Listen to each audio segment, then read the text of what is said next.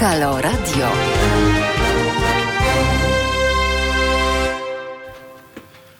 Halo, halo, Jan Śpiewak e, przy mikrofonie. Witam Was wszystkich naszych e, słuchaczy, e, ludzi, którzy nas oglądają na YouTubie i wszystkich, którzy słuchają nas gdzie indziej. Wyjątkowy, ładny dzień, świeci słońce, ale dzisiaj 1 marca, a więc ważna rocznica, przynajmniej dla środowisk warszawskich lokatorów, ale myślę, że też lokatorów w całej Polsce i tych wszystkich, którzy walczą po prostu o sprawiedliwość.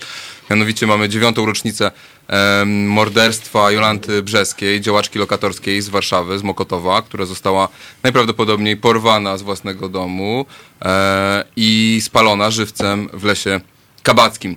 E, ta zbrodnia nigdy nie została wyjaśniona, e, nigdy nie dowiedzieliśmy się tak naprawdę, kto jest, kto był mordercą, a prokuratura robiła naprawdę bardzo, bardzo wiele, żeby tej sprawy E, nie wyjaśnić. Przypomnijmy chociażby, że e, bardzo długo utrzymywała prokuratura, że było to samobójstwo, a nie e, morderstwo. Oczywiście mm, nikt chyba nie ma wątpliwości, że E, nie była to sprawa przypadkowa i zresztą prokuratura później zmieniła e, no jakby tutaj zakwalifikowanie tego e, prawnie na mm, morderstwo i umorzyła sprawę. Sprawa została wznowiona kilka lat temu przez nowe rządy, ale ciągle nic nie wiemy, nic się nie dowiedzieliśmy i więc po dziewięciu latach nie ma sprawiedliwości dla Jolanty Brzeskiej, dla jej rodziny i dla e, wszystkich e, warszawiaków. E, teraz właśnie jak jesteśmy, trwają uroczystości na skwerze Jolanty Brzeskiej. E, rocznicowe upamiętniające, nie możemy o niej zapomnieć i jutro również e, odbędzie się przed prokuraturą na ulicy Racławickiej zdaje się, jeśli dobrze nie, jeśli nie mylę się, jeśli chodzi o adresy, po południu o godzinie 17, jeśli mnie pamięć nie myli, jeszcze to sprawdzę. O 16.30. O 16.30, e, dobrze, że jest tutaj double check, e, o 16.30 ja postaram się na tej demonstracji być. No dzisiaj niestety też chcieliśmy na, tam być, ale mamy, mamy audycję, e, więc, e, więc niestety, niestety, niestety lub stety nie jesteśmy tutaj z wami, ale pamiętamy o Jolancie Brzeskiej i będziemy też o niej rozmawiać. Myślę, nie wiem czy, czy z chłopakami, ale w drugiej części naszej audycji będzie też Piotr Ikonowicz, no, postać dość znana i oni też, z nim też będziemy rozmawiać o tej całej sprawie, o tym, gdzie dzisiaj jesteśmy, jeśli chodzi o aferę reprywatyzacyjną. Ale po tym, e, po tym wstępie chciałbym przywitać e, naszych e, gości. Będziemy dzisiaj rozmawiać o nowej inicjatywie, kolejnej nowej inicjatywie na rynku popularyzatorsko-analityczno, nie wiem, wydawnicze, jeśli mogę tak e, to nazwać, a mianowicie o nowym portalu, który się nazywa e, Pospolita e, i który jest wspólnym wysiłkiem paru od dawna już mocno zaangażowanych w tematy społeczne, gospodarcze osób. Więc dzisiaj mam przyjemność przywitać Janka Zygmuntowskiego z Fundacji Instrat, e, który jest, e, fundacja, jak rozumiem, zresztą myślę, Janek tu sam powie, więc jest jedno właśnie z e, tych kół zamachowych tego, tej nowej inicjatywy, tej, tego portalu Pospolita. I jest również z nami Paweł Jaworski, który jakby jest, no chyba twórcą całego zamieszania. Witajcie. Cześć wszystkim, dzień dobry. Dzień dobry. E, powiedzcie jakby w skrócie, czym jest Pospolita, czym chcecie, jakie macie cele sobie stawiacie, e, gdzie się widzicie, jest takie zawsze pytanie na, prawda, jak się przychodzi na rozmowę o pracę, gdzie siebie widzisz za pięć lat, tak? E, więc powiedzcie, gdzie, gdzie, gdzie widzicie Pospolitą, czym chcecie, żeby ta Pospolita się e, stała? Ja może zacznę, bo powiem o takiej perspektywy e, właśnie trzeciej strony, ponieważ Paweł przyszedł, e, jako obecny redaktor naczelny, Paweł przyszedł z tym pomysłem do nas, do, do Instratu i e, pomysł, który na początku zrodził się z takiego poczucia, że jest pewna pustka, jeśli chodzi o materiały właśnie dłuższe, to znaczy nie typowe artykuły takie pisane ad hoc, bardzo często takie opiniotwórcze, ale nie ugruntowane w żadnych danych, w żadnych faktach.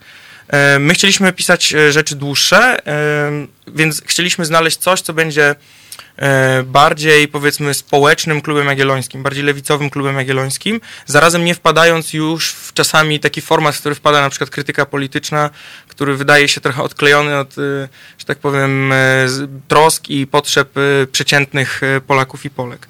I gdzieś znaleźliśmy taką właśnie niszę pogłębionych treści pisanych przez ekspertów, nie tylko z stałego grona na przykład fundacji, ale też zapraszanych z zewnątrz, to znaczy akademików, praktyków, działaczy, którzy w swoich tematach mogą wypowiedzieć się najlepiej. Mhm. Może charakterystyczne jest to, że rozmawiając kiedyś y, przy uruchamianiu samej inicjatywy y, w, w, w gronie osób związanych z Instratem y, o tym, jakbyśmy chcieli formatować i pozycjonować tę inicjatywę naszą, Portal Pospolita, to padło pytanie, czy na pewno chcielibyśmy się identyfikować jako jakieś medium publicystyczne. Czy to ma być definiowane jako publicystyka? ja byłbym skłonny nazwać to portalem analityczno-publicystycznym. Z drugiej strony pod taki zarzut, że, że lepiej nie mówić sobie jako o, o publicystyce, bo publicystyka, tak, y, y, y, bo publicystyka jest już źle, źle nacechowana jako narracja bardzo płytka i powierzchowna, Yy, Każdy dzisiaj robi Tak, no pełna... I, i wszyscy tak, wiemy, właśnie, w którą stronę działo jest ustawione, tak? Tak, że, że to jest yy, coś, co dzisiaj robi w zasadzie każdy, więc być może... O, no więc z jednej strony można mówić, że, że coś, co ma w nazwie pospolita, czy no to yy, coś, co ma być takim yy, niekoniecznie elitarnym lub przynajmniej elitarystycznym yy, przedsięwzięciem, no to powinna być otwarta no i, i na, na tego rodzaju podejście, ale my jednak chcemy tworzyć tworzyć dyskurs, dyskurs ekspercki, który przekonuje publiczność o tym, że tak istnieje grono ekspertów, które wyróżniając się tym terminem pospolita, chce podkreślić, że angażuje się na rzecz dobra wspólnego i, i działa na rzecz jakiejś idei egalitarnej. Ona ich mobilizuje. Tak. Podpisalibyście tak. się pod tym słowem, czy jest to portal szerzący progresywne idee e, lewicowe? My jako Instrat wprost mówimy o sobie, jesteśmy think tankiem, który zajmuje się progresywną polityką publiczną, mhm. więc tak się definiujemy, ale rzeczywiście to, co mówi Paweł, nazwa pospolita z jednej strony mówi jednak o, wprost o naszej, o tym ukorzenieniu w Polsce, to znaczy o tym, że to jest właśnie Rzeczpospolita, to jest ta, tylko przenosimy ciężar z Rzeczpospolitej, która jest taka nadęta, duża, taka, to jest taka tytulatura właśnie, nie wiem, formalna. Przenosimy to na poziom pospolitej, to znaczy takiej, która jest codziennie obok ciebie, najbliżej, a z drugiej strony właśnie ten egalitaryzm, o którym mówił Paweł. Jasne. Znaczy, nie, nie, chcemy tego unikać. Yy, bo już wcześniej, nie, niedawno wyszło nowe czasopismo Fakty, wydawane przez Piotra Szumlewicza, yy, Wojtka Łobodzińskiego między innymi. No, mamy już od dawna, prawda, mówiliście o krytyce politycznej, która gdzieś tam wydaje się, że przestała pełnić rolę takiego radykalnego, prawda, lewicowego e, głosu, że bardziej się, można powiedzieć, trochę zmainstreamowała e, i że czy widzicie po prostu tutaj e, niszę i czy to jest po prostu to jest kolejne zamierzenie przesuwania tego dyskursu właśnie tak jak to robiła krytyka kiedyś, a już dzisiaj po prostu tego, tej, tej, tej roli nie, nie, nie wypełnia. Można powiedzieć, że w tej chwili się sytuujemy w w pewnej niszy, nawet rozumianej no, jakby sensu stricto, no bo jakby na razie jest to w postaci zalążkowej, początkowej, startowej, e, Natomiast z drugiej strony, e, nie, oczywiście chcemy się mainstreamować i, i, i na to się ukierunkowujemy. Natomiast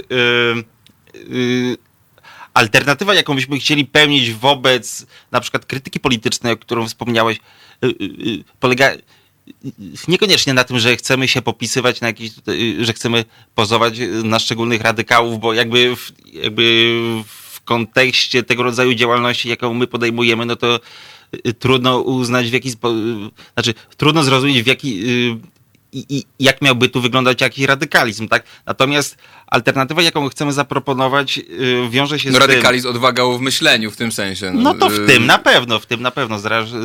Zresztą taką formę. Ale, ale nie pozorowany radykalizm, na... tak? Nie taki przerysowany, nie taki hasłowy. No przepraszam, ale nie wpuścimy tutaj felietonu Jasia Kapeli, który będzie polegał na szokowaniu clickbaitowym tytułem. Powiedzmy to otwarcie, tak?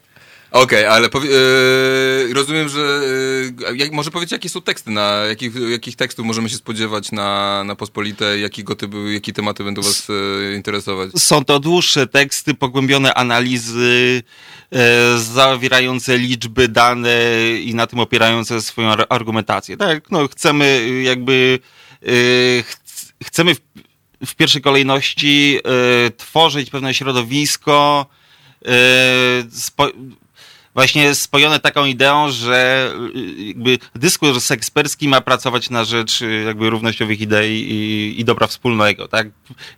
Przy czym to dobro wspólne, interes społeczny ma być rozumiany przede wszystkim jako y, interes materialny większości, plus jakby mm, uczestnictwo jak najszerszej rzeszy obywateli w, w usługach publicznych, tak mhm. żeby to jakby y, zidentyfikować to dobro wspólne jakby z potrzebą zaspokojenia y, jak najbardziej podstawowych y, potrzeb ludzkich, potrzeb społecznych, dlatego że no, ten obszar jest cały czas niezaspokojony w Polsce i jest jednak lekceważony również przez obecną władzę, która no, chce się pozycjonować jako, mm, jako prospołeczna, jako, jako wrażliwa społecznie. I tu jest pytanie, Jan, czy twoim zdaniem to jest radykalne? Czy spełnianie podstawowych potrzeb mieszkaniowych Polaków i Polek, a nie na przykład pompowanie e, wysokości kredytów jakimiś e, wkładami gwarantowanymi przez rząd, czy to jest właśnie radykalne? Albo czy powiedzenie, każdy powinien mieć dostęp do podstawowej służby zdrowia,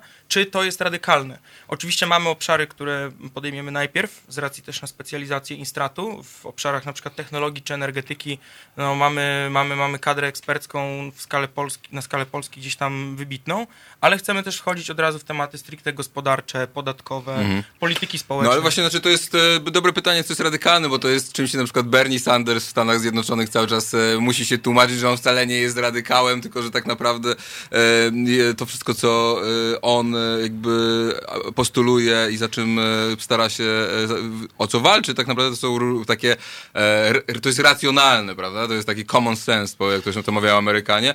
I, ale w Polsce, jak się mówi, e, podwyższymy podatki dla bogatych, wygasimy e, węgiel do 2000 tam, nie wiem, 40, tak? E, zrobimy, e, zapewnimy każdemu, każdemu Polakowi mieszkanie, tak? Że będziemy mówić głośno o tym, że państwo ma budować mieszkania, czy ma wspierać w jakiś szerszy sposób niż do tej pory to robiło, to to są rzeczy, które są dzisiaj w Polsce radykalny, prawda? Więc jakby moje, e, jakby trzymam kciuki za was, jakby i rozumiem też taką misję, że potrzeba jest przesuwania te, właśnie tego centrum, tego dyskursu e, w, że tak powiem, tu stronę progresywną, socjaldemokratyczną, czy jakąkolwiek nazwiemy, racjonalną, który, gdzie tak naprawdę można e, połączyć, w, podawać klub jagielloński. Myślę, że tam jest też dużo zdroworozsądkowych, myślących ludzi, którzy też podzielają pewne Wiesz, trochę do momentu, kiedy proponują, że sztuczna inteligencja ma wykrywać porno i blokować strony internetowe internetowe, nie? Więc jest moment, kiedy właśnie z konserwatysty Aha. ostatecznie wyjdzie ten konserwatysta, który chce siłą, przemocą narzucić ci jej, twój styl życia. My tego nie chcemy robić.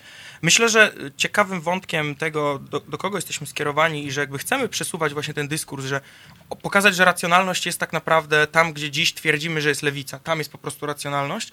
Jest e, reakcja na tekst e, Łukasza Komudy e, o podatku majątkowym, mhm. który, gdzie przeanalizował bardzo, w bardzo ciekawy sposób polskie dane, ale nie unikając w ogóle tego swojej retoryki, pokazując jednoznacznie, jakie ma poglądy na temat egalitarnej polityki, a jednak pokazując, że podatek majątkowy no, być może jest w jakiejś formie dla Polski interesujący, ale nieznaczący, nie może zastąpić innych podatków.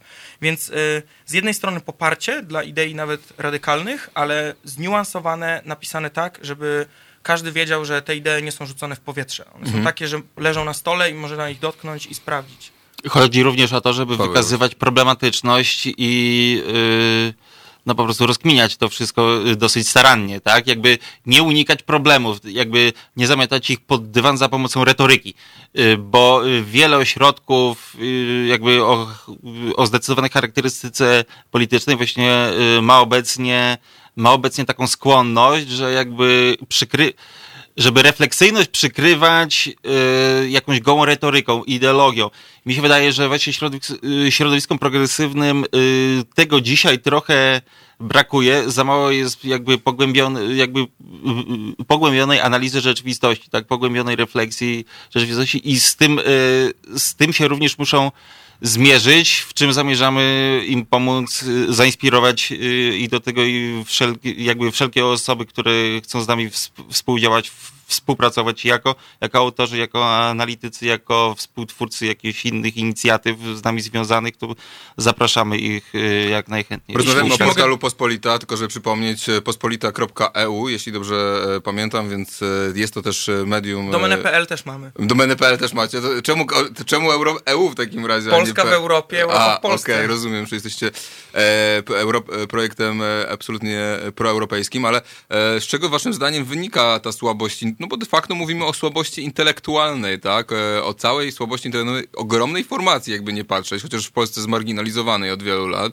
o formacji lewicowej, która e, ma dzisiaj klub parlamentarny w Sejmie, dysponuje, e, prawda, ma posłów, ma przedstawicieli w samorządzie, ma, no, ma pewne długie tradycje, a tak jak zauważacie, jest pustka po tej stronie progresywnej, takich twardych, ale też dostępnych analiz.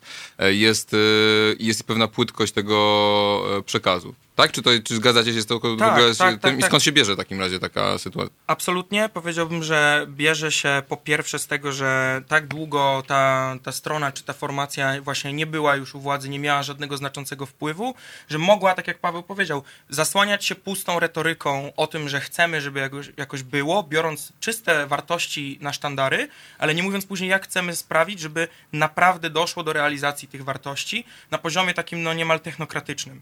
I oczywiście nie chcemy, chcemy demokracji, nie technokracji w interesie elit, ale no, potrzebujemy jednak też specjalistów, fachowców, którzy są w stanie tą kompleksową rzeczywistość ogarnąć i, i zaprojektować. Ale drugim też czynnikiem, w ogóle związanym z jakąś jakością e, dyskusji publicznej, jest to, że właśnie mm, spłycił nam się poziom e, analizy, opinii, weryfikacji danych. Teraz e, tweet na 280 znaków wystarczy jako przekonujący dowód. Tak przynajmniej twierdzi pewnie Tomasz Lis albo Leszek Balcerowicz, którzy ograniczyli całą swoją, wszystkie swoje wywody intelektualne do swoich tweetów. No dobra, ale E, jak to się stało, że to oni są my- dzisiaj w centrum i to oni dzisiaj ze swoimi bzdurami, które wygadują od rana do wieczora, Nie. uznawani są za umiarkowanych, a, e, a wy będziecie uchodzić za, za radykalnych. Oni Że- są w centrum od 30 lat, no więc, więc na zasadzie pewnej e, inercji, no tak po prostu dryfują no, w, w tym centrum, chociaż to y, już y, od kilku lat, nie, od kilkunastu, no już istnieje środowisko, które y, konsekwentnie ich wypycha trochę jakby na... Na marginesy tego, no nie no, przesadzam, no, cały czas w centrum są, ale, ale nie mają już tak naprawdę hegemonii, tak? Nie mają. hegemonii. No właśnie, bo często w, tym, w tych Więc audycji... Jest, więc y, jest dowód na to, że jakby. Mm, że działając konsekwentnie przez, przez wiele lat, nie da się ukryć, no, y, można ich jednak spychać no, bardziej na, y, jakby w kierunku No no właśnie, ale- poza Czekaj, ścisłe ja- centrum. Jakby. Ja, Ale- ja jeszcze dodam, no, no. tutaj jest je, właśnie jeden, jedno, jedno działanie, które my podejmujemy, które być może jest y, czymś, co nam zagrozi, ale podejmujemy je świadomie, znaczy właśnie te dłuższe treści. 15, 20, 25 tysięcy znaków na artykuł jest nieporównywalne prawie z żadnym innym medium. Myślę, że chyba tylko Nowy Obywatel drukuje treści nawet po 40 tysięcy, no ale to jest kwartalnik. Więc podejmujemy się tego, że mówimy, no niestety, jeżeli chcesz naprawdę zrozumieć głębię tego tematu, to musisz go przeczytać od A do Z. Ale czy to gdzieś się udało? Czy ludzie czytają takie długie teksty? Tak, wygląda na to, że teraz, y, szczególnie na zachodzie, takie największe opiniotwórcze, ale takie pogłębione, niemal śledcze czasami strony, y, czy to będzie Atlantic, czy to będzie The Intercept, jakby tam są najczęściej długie, pogłębione artykuły i one są czymś w rodzaju mini raportów nawet, tak? To znaczy chcemy zbadać to, tą, tą sprawę tak kompleksowo, to nie znaczy, że musimy spisywać raport, drukować go i, i, i gdzieś rozdawać na konferencji, tak? To może wisieć. Jeżeli Janek odwołuje się do y, Intercepta, no to warto zauważyć, że są to, y, że są to media jak najbardziej opiniotwórcze, tak? które wyrobiły sobie mm, jakby rangę prestiżowych, tak? Więc y, Tylko, że to są jednak bardziej dziennikarstwo, to jest takie, one właśnie reportaże, ale, ale czy tam, a takie analizy pogłębione, to chyba e, to oni to mieszają jednak te, te style, plus są też bardzo jasno opowiedzeni po stronie, prawda, Berniego Sandersa i są związani z tym e, populistycznym, tak, jakby to nazwać, jakby to Tomasz Lis nazwał to populistycznym zwrotem, czy, e, czy falą w demokratycznej polityce w Stanach Zjednoczonych, tak?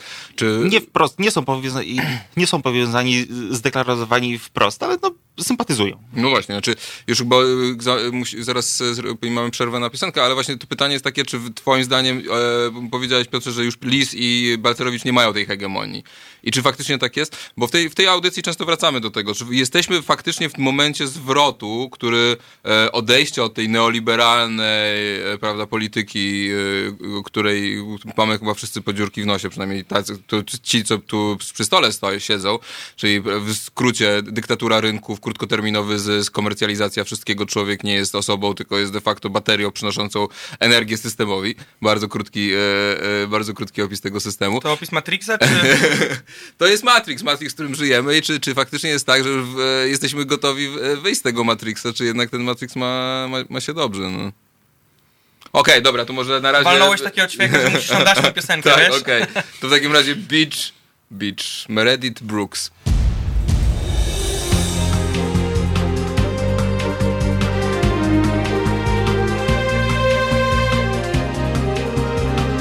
Halo Radio.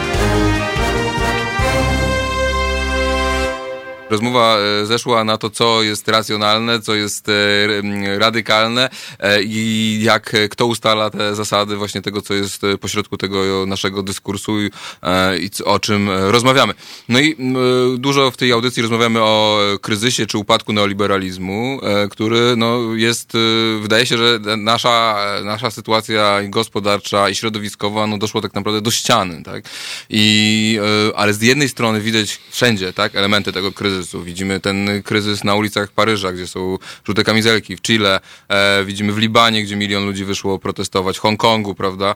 E, widzimy chociażby w, w postaci wyborów, e, sukcesów prawicowych populistów, Bolsonaro, Trump, Brexit, Salvini, Orban, Kaczyński. Widzimy kryzys e, za naszymi oknami, jest coraz cieplej, mamy najcieplejszą zimę w historii pomiarów od 289 lat, kiedy pierwszy raz zaczęto używać pomiarów i termometra. Nigdy nie było tak ciepłej zimy, nie ma śniegu i Yy, powstają dowcipy o tym, że bałwan, że dzieci nie będą wiedziały, co to jest bałwan, bo nie ma, nie ma, nie ma po prostu tyle śniegu na zewnątrz, żeby ulepić bałwana. I czy w tej sytuacji ten dyskurs właśnie, który reprezentuje Moim zdaniem, no właśnie ta, właśnie Lis, Tomasz Lis, Leszek Balcerowicz, właśnie ten taki prorynkowy, neoliberalny, gospodarka, PKB, więcej, więcej, więcej. E, I prawda, jak najmniej państwa, bogatym musimy robić dobrze, usługi publiczne sprywatyzować, mówiliście o usługach publicznych, że to tak naprawdę jest jeden z elementów waszych kluczowych, waszego projektu. Um, i, I tak naprawdę, nie, czy, czy, czy, czy ten moment przełamania widać? I, i, i czy, czy i rozumiem, że wasze, wasza pospolita ma być jakby przygotowaniem do, prawda, do, do tego, do, chcecie zmienić ten, tak, chcecie zmienić tę sytuację, ale, ale właśnie zastanawiam się, gdzie widzicie, jesteśmy w tej dyskusji, no, czy, czy kiedy przyjdzie to opamiętanie, no. Po pierwsze, Jan, y, jakby z, y, z twojego wywodu, mm, który przed chwilą tutaj uskuteczniłeś, y, jak y, bynajmniej nie wynika żaden domniemany upadek neoliberalizmu. No właśnie, wszystko tego to, się boję. No. Wszystko to zabrzmiało jak, y, jak całkowity szczyt neoliberalizmu. No prawda jest taka, że od 10 lat, od czasu wielkiego kryzysu finansowego, jakby ta mm, jakby narracja neoliberalna utrwalana tu od początku lat 90. stopniowo słabnie. Na zachodzie można powiedzieć y, osłabła bardzo, tutaj osłabła trochę, ale wszędzie, wszędzie na świecie neoliberalizm ma się świetnie. Być może chyba tylko, nie wiem, no, Nowa Zelandia jest takim y, miejscem, gdzie, gdzie y, jest go już trochę mniej. E, no więc my staramy, my staramy się przede wszystkim zwracać uwagę na to, że dysponując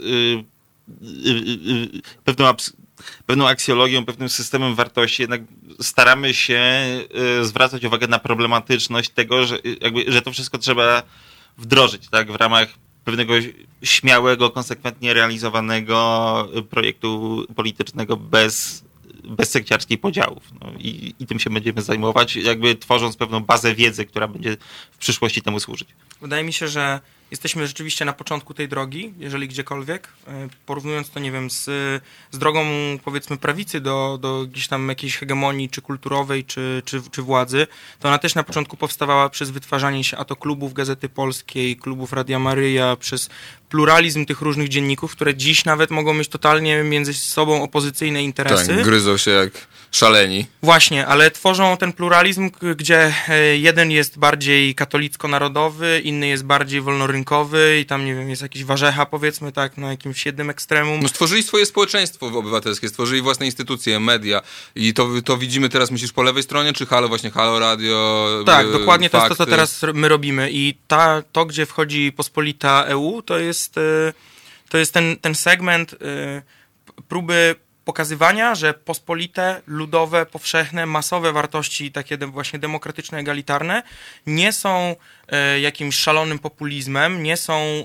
domeną jakichś, nie wiem, darmozjadów z 500+, plus, E, I mimo, że mówi to wiele środowisk, to jest taki segment społeczeństwa, szczególnie inteligencja w Polsce, która cały czas językiem, którym się posługuje, różnymi dystynkcjami symbolicznymi, pokazuje, że jest lepsza od reszty społeczeństwa. I my, jeżeli chcemy naprawdę jak największą część tej inteligencji, a, za, a przechwytując ją, przejmiemy właśnie media, e, cały dyskurs i tak dalej, chcemy do nich wyjść z naszymi ekspertami, pokazać, że jest wprost przeciwnie. To nie są absurdalne teorie ludzi, którzy nie rozumieją ekonomii, tylko jest wprost przeciwnie. To właśnie my, ekonomiści, mówimy, musimy to zrobić. My to robiliśmy do tej pory na przykład naszymi raportami eksperckimi, ale zbyt często te raporty trafiają tylko do na przykład ministerstwa, które się zajmuje wdrożeniem czegoś. Albo mhm. mówimy, mówimy o tym na przykład, w którym roku granicznie Polska powinna odejść od węgla, no i może to zainteresować dosłownie zarządy czterech spółek energetycznych w Polsce, plus decydentów w Ministerstwie Klimatu i Ministerstwie Aktywów Państwowych. Ale musimy też w jakiś sposób rozmawiać z całą resztą rynku, żeby odpowiedzieć sobie na przykład na pytanie, czy 100% OZE jest możliwe, mhm. czy nie jest możliwe. To jest cały czas trwająca dyskusja. Czyli tak jak Antonio Gramsci, e, który powie, czyli włoski, e, włoski komunista, który e, no właśnie stworzył takie pojęcie jak hegemonia i też stworzył takie pojęcie, a właściwie taki, opisał taką strategię działania marszu przez instytucje, tak? Znaczy, że żeby przejąć, że język konstytuuje i pewien świat wyobrażony konstytuuje władzę tak naprawdę, tak? I jakby rozumiem, że chciałbym też to wierzyć, że jesteś, że to jest taki początek właśnie, że tutaj kiełkują różne inicjatywy, które powoli przesuwają właśnie ten dyskurs, jest ich coraz, e, coraz tego więcej, tego e, więcej, ale być może to jest tylko, e, tylko projekcja. Mi się wydaje, że problemem tego wszystkiego było właśnie słabość z instytucjonalizacją tych wszystkich rzeczy. Jak widzicie model tego, żeby pospolita się utrzymała, żeby się rozwijała, jak widzicie plany, żeby, czy zamierzacie współpracować właśnie z innymi dziennikami, skąd będziecie brać finansowanie, jak to, jak to wygląda ze strony, rozumiem, że zbieracie grono ekspertów, y, osób y, zaangażowanych, no ale właśnie co zrobić, żeby to, to się nie rozmyło gdzieś tam w powietrzu? Ja wspomnę krótko, że na razie staramy się opierać o pojedynczych darczyńców. Jesteśmy fundacją y, non-profit, więc możemy sobie na to pozwolić. Czy to się odbywa pod fundacją Instrat, tak? Tak, jesteśmy, jesteśmy jakby wydawcą tego portalu, mm. więc finansowo, administracyjnie to spinamy, natomiast inicjatywa jakby redaktorem naczelnym jest Paweł i e, jemu zostawiamy kurację treści i, i gdzieś tam dobór. Sam dzisiaj otwierając e, Facebooka zobaczyłem komentarz na fanpage'u Pospolitej na temat konwencji Małgorzaty Kidawy-Błońskiej. Byłem bardzo zaskoczony, ale to był dobry komentarz. Nie wiem, czy byłeś jego autorem, ale... Czyli publicystyka też. Paweł, jak, jak to wygląda? Jak, jak, jak zamierzacie budować, że tak powiem, instytucjonalizować się. Nie, w sensie sam portal będzie, yy, znaczy yy, nie będzie skoncentrowany na bieżące politycznej, tak? To nie będą komentarze do yy, ostatnich y, wydarzeń z bieżącego dnia y, lub tygodnia. Natomiast no, y, wiadomo, że social media są no, trochę inną, inną sferą, inną logiką się kierują, co innego je napędza. No i, tu, i tutaj pewne komentarze z naszej strony chyba mogą padać. Jest to, y, jest to zarówno, znaczy publiczność tego y, oczekuje, więc y, czasem sobie na to pozwolimy. Wczorajsza, wczorajszy tak zwany incydent na na konwencji Małgorzaty Kidawy-Błońskiej był akurat o, o, tyle znamienny, że jego znaczenie wpisuje się. Jaki to, incydent? no, chodzi o dwójkę Mm, aktywistów klimatycznych, aktywisty i aktywistki, którzy no, wbili na scenę e, z przekazem no, proklimatycznym i można powiedzieć antyestablishmentowym. No, nie chcieli podać skandal, ręki, no, nie chcieli podać ręki Kidawie Błońskiej, tak? To tak, jakaś... i co charakterystyczne, to był główny zarzut wobec, e, wobec tej dwójki e, aktywistów. Cała krytyka, jaka spadła na nich ze strony zwolenników Kidawy, koncentrowała się właśnie co, co zaskakujące, nie na tym, czy oni mają rację, czy nie mają racji, tylko że zachowali się po gówniarsku i niekulturalnie. No, to, jest, to, jest, to, jest jakby... to jest dokładnie ta dystynkcja no kulturowa, o której mówiłem, którą stosują elity, tak? To znaczy znajdują sobie jakiś element symboliczny, na podstawie Byłeś niegrzeczny, więc pozwolimy ci, e, e, pozwolimy, pozwól naszemu pokoleniu spalić twoją przyszłość. E, w internecie musi się do mnie zwracać per pan, banuje. tak. Ale no, jeśli, no tak, ale jeśli... to jest właśnie na tym polega ten dramat, no, że tak wygląda ta, ta debata, ale że ona jest po prostu, że tak naprawdę nie, nie ma żadnego znaczenia, dane nie, dane nie mają żadnego znaczenia, ale uciekłeś odpowiedzi jeszcze e, pa, e, Paweła, jak właśnie, czy jak widzicie w, współpracę, jak widzicie kolejne, e, widzicie kolejne kroki, czy, bo, czy tutaj jakoś próbuje, będziecie próbować związać się, czy jak właśnie będziecie starać się rozwijać i w jaką, jaką formułę współpracy, czy na przykład nasi słuchacze mogą zgłaszać teksty, jak to będzie? Jasne, każdy, kto czuje się y, kto czuje się gotowy, y, biorąc na wzór teksty, które już są zamieszczone y, na pospolitej, jakby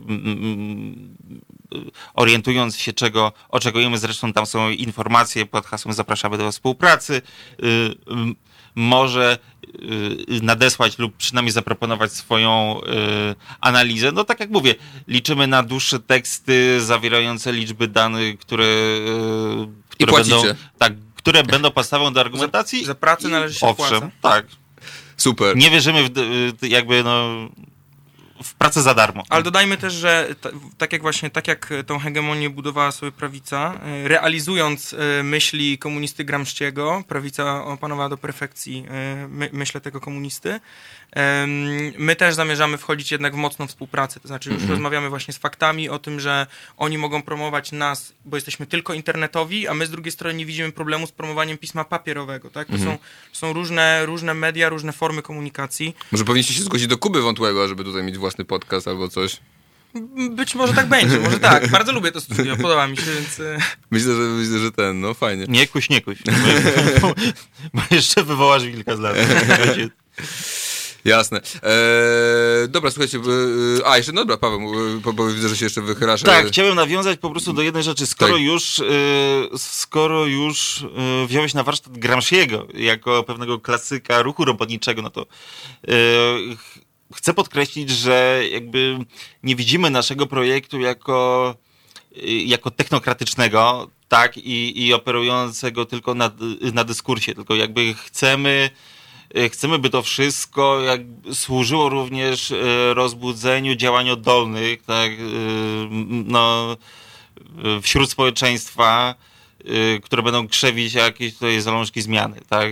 Czyli no, co, jak kluby krytyki politycznej kiedyś były? bardziej docelowo chcemy, tylko to są dalekosiężne plany, to, ale, ale mamy je, więc możemy hmm. o nich Jeżeli już powiedzieć. coś wypaliło, to kluby Gazety Polskiej. Hmm. To, to, to, ale przez moment były te kluby krytyki politycznej. Był taki moment, kiedy się wydawało, że prawda, krytyka znalazła nowy sposób funkcjonowania i prowadzenia tej dyskusji. Ja bym powiedział, że to, co, to bardziej, zwinęło, to, co bardziej byśmy chcieli zrobić, to uzyskać raczej moment, kry, masę krytyczną i rodzaj działalności Extinction Rebellion. Mhm. Znaczy, wykorzystać naszą, na, nasz portal w pewnym momencie do tego, żeby nie tylko pisać długie teksty i kreować treści, ale zacząć też odpowiednimi narzędziami informatycznymi, więc dlatego mówię, że to pewna przyszłość, bo musimy je wdrożyć, zacząć e, tworzyć taką przestrzeń dyskusji, nie walki w komentarzach, ale konstruktywnej dyskusji, co mogę zrobić ja w mojej lokalnej gminie, społeczności, mieście, żeby z innymi ludźmi spróbować zacząć realizować ten plan.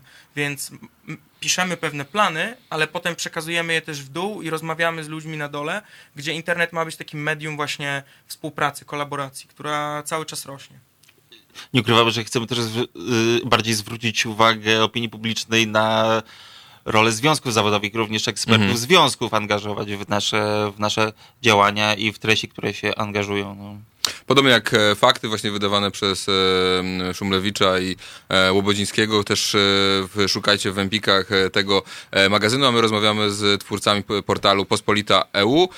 Wracamy do rozmowy, będziemy rozmawiać w, w ostatniej części rozmowy o, o propozycji, ostatniej propozycji partii Razem o podatku cyfrowym i tym, czy się da naszych gigantów w typu Facebook, Google faktycznie podatkować. To taka propos przesuwania granic tego, co możliwe. I e, tego, co się mówi w debacie e, publicznej. A teraz Hungry Eyes, Eric Carmen. Halo Radio. Pierwsze radio z wizją.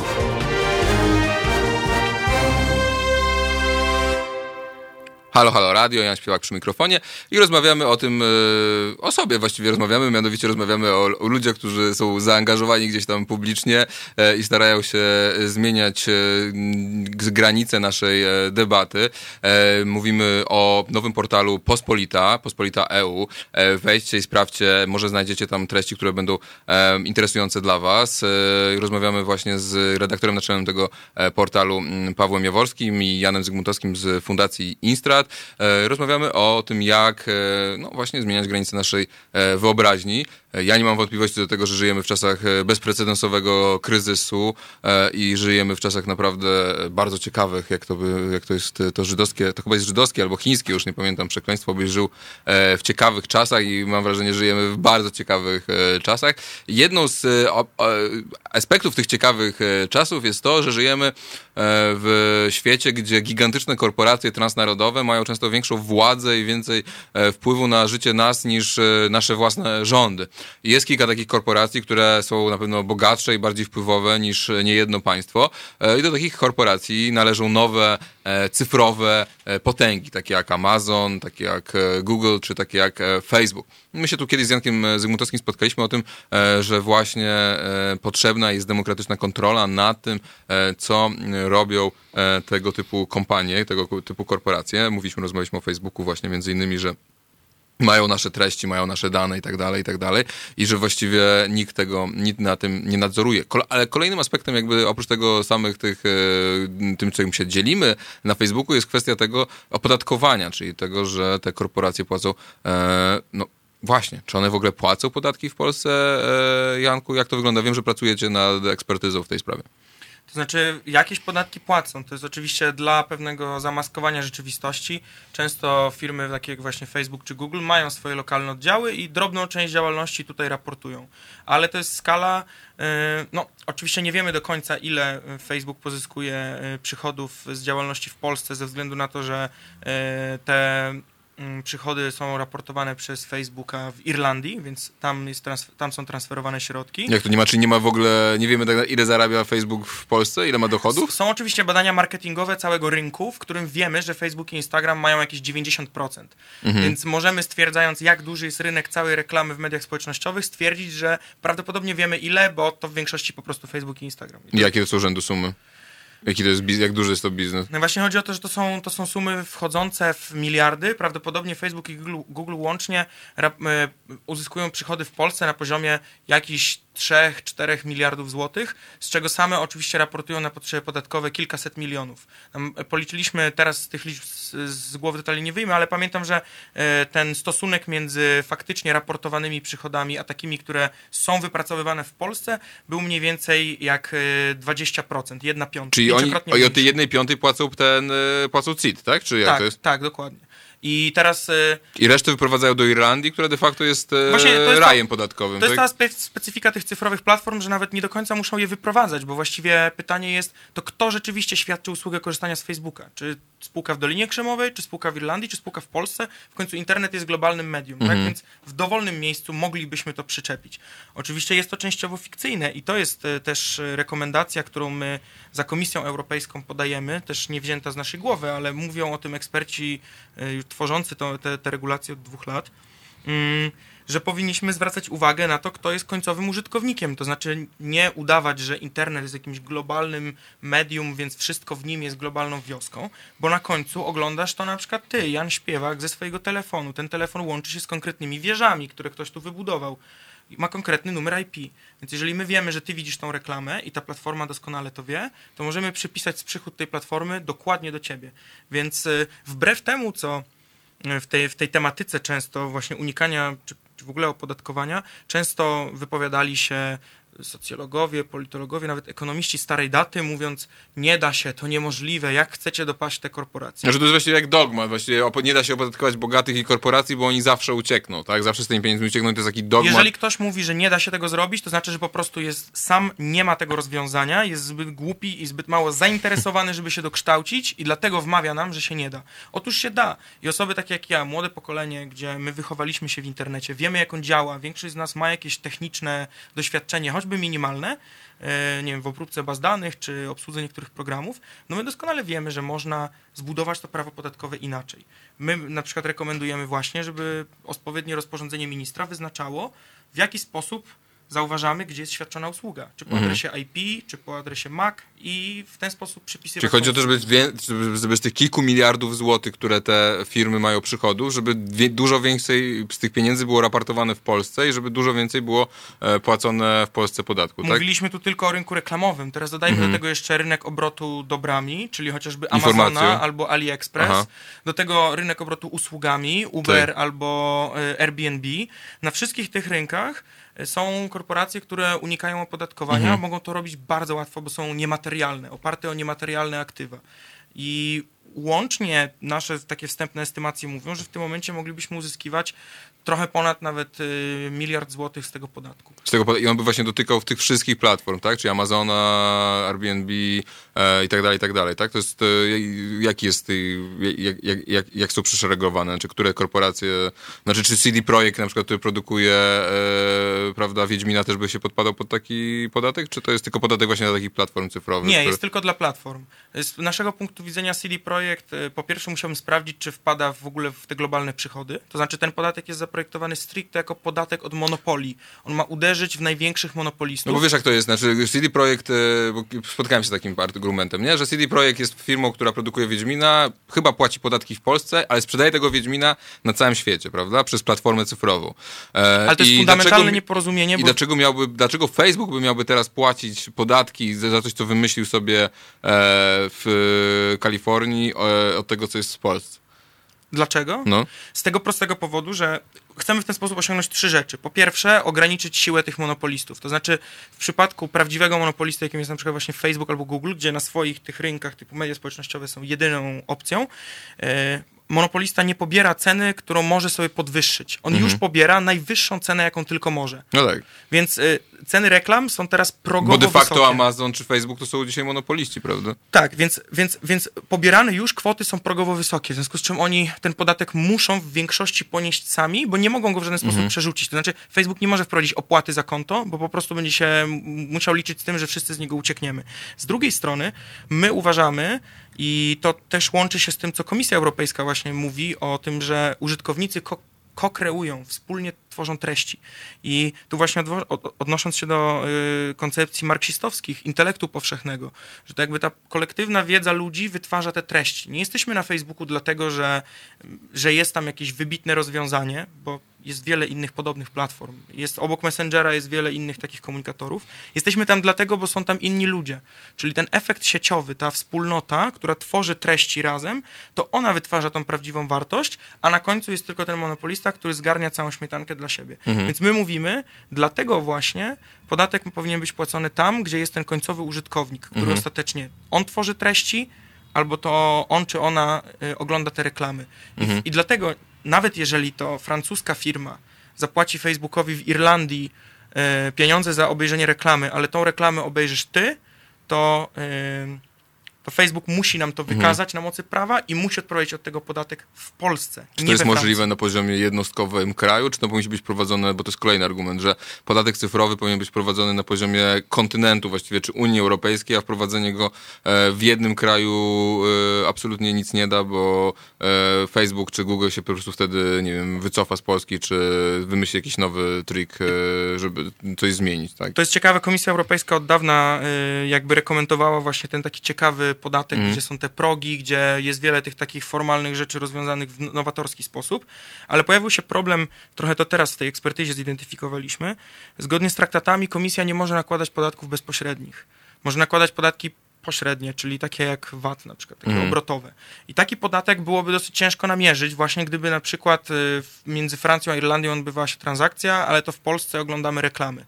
Więc to musi być podatek bezpośredni, którego nie może Unia nałożyć. W związku z czym komisja zaproponowała podatek, który wygląda jak bezpośredni, nazwała go pośrednim, po czym od, wstała od stołu, wiedząc, że nie może go jeszcze wdrożyć Mhm. i mówiąc, przenosimy rozmowy na forum OECD. Na forum OECD oczywiście są Stany, które próbują wszystko wywrócić dla siebie. Dlaczego na po, poziomie OECD? Znaczy to jest, y, dla słuchaczy to jest taka organizacja zrzeszająca najbardziej rozwinięte kraje na świecie. Tak, i właśnie Dlaczego tam na poziomie OECD też nie ma żadnych y, kompetencji podatkowych? OECD od e, prawie 10 lat, od 2013 roku prowadzi projekt BEPS, czyli walki z unikaniem opodatkowania. Mhm. Więc OECD od dawna się tym zajmuje, tylko ich propozycja jest taka, nie wprowadzamy nowego podatku, całkowicie zmieniamy strukturę podatków korporacyjnych. Jak się Mhm. można, czyli całego CIT-u. Robimy cały nowy CIT w ogóle globalnie, podział.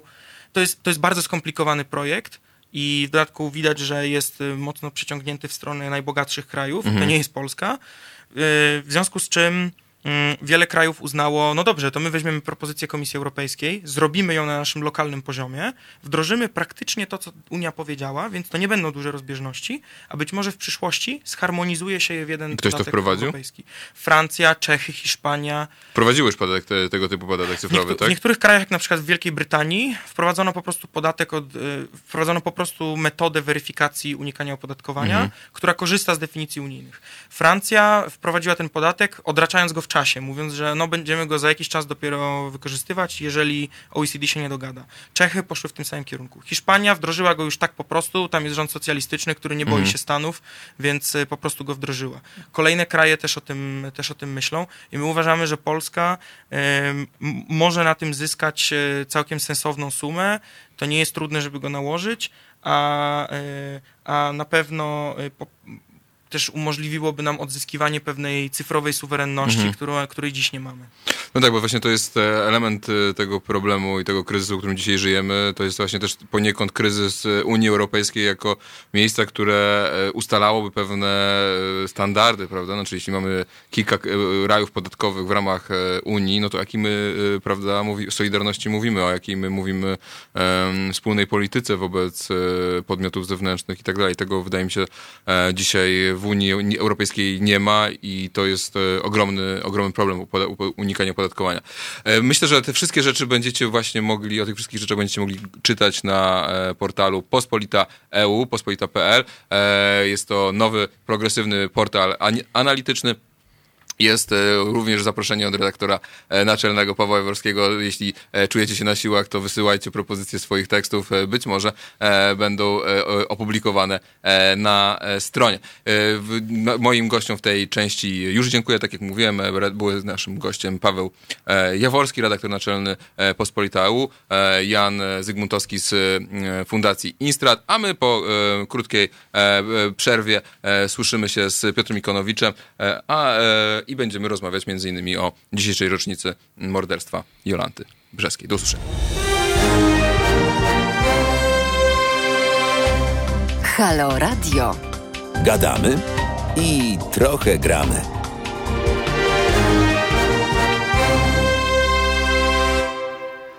Halo, halo radio, Jan Śpiewak e, przy mikrofonie. E, Jest z nami już e, drugi gość, e, Piotr e, Ikonowicz, e, Ruch e, Sprawiedliwości Społecznej, Kancelaria e, Sprawiedliwości Społecznej Tak. i jeszcze, jeszcze jakaś... e, Jeszcze jest Fundacja Sprawiedliwości. Jeszcze jest. Fundacja Je- Jesteśmy jak Bóg Ojciec w trzech w osobach. trzech osobach. E, Witam. Wi- e, bardzo mi miło Cię widzieć, Piotrze. E, myślę, że porozmawiamy o e, tych. e, mm, zacznijmy może od tego, skąd przybywasz, bo e, dzisiaj dziewiąta rocznica e, morderstwa Jolanty Brzeskiej, e, makabrycznej zbrodni, e, niewyjaśnionej. E, dzisiaj były uroczystości na skwerze Brzeskim. Tak, składaliśmy wieńce, przemawialiśmy. Co ciekawe, yy, ta pamięć nie słabnie. Było bardzo dużo ludzi. I co ciekawe, yy, no, przemawiało kilkanaście osób. I nikt się nie jąkał, nie ykał, nie zacinał, bo nie było nikogo z ratusza. Byli sami ziacze lokatorscy, a oni reprezentują bardzo wysoki poziom. To znaczy nie było tylko takiego płaczu, no wiadomo, jest nam smutno, brakuje nam Joli, ale była rozmowa o tym, co robimy dzisiaj. No ja przypomnę, że wczoraj razem blokowaliśmy dziką eksmisję, której jaśnie pan z reprywatyzacji chciał dokonać. I właściwie nie wiadomo skąd i kiedy pojawiło się prawie 40 osób. Y, I zawsze się pojawiają. To znaczy, że opinia publiczna, że ruch lokatorski, że to wszystko żyje, y, czyli że ta no, tragiczna śmierć Joli no, nie poszła na marne. Że ja bym nawet powiedział, że to ziarno, które ona zasiała, które wspólnie sialiśmy, że ono wzeszło, że y, gdziekolwiek... Y, podeszła do mnie pani, y, która, mm, której eksmisję blokowaliśmy na Chorzej 2 bodajże. W czasie tej blokady było tam około 200 osób. Lokal znajdował się na trzecim piętrze i całe schody były pełne blokujących, a na drugim piętrze był fryzjer. Więc jak szła policja, mówiliśmy, że nie puścimy, bo stoimy w kolejce i nie przepuścimy kolejki do fryzjera.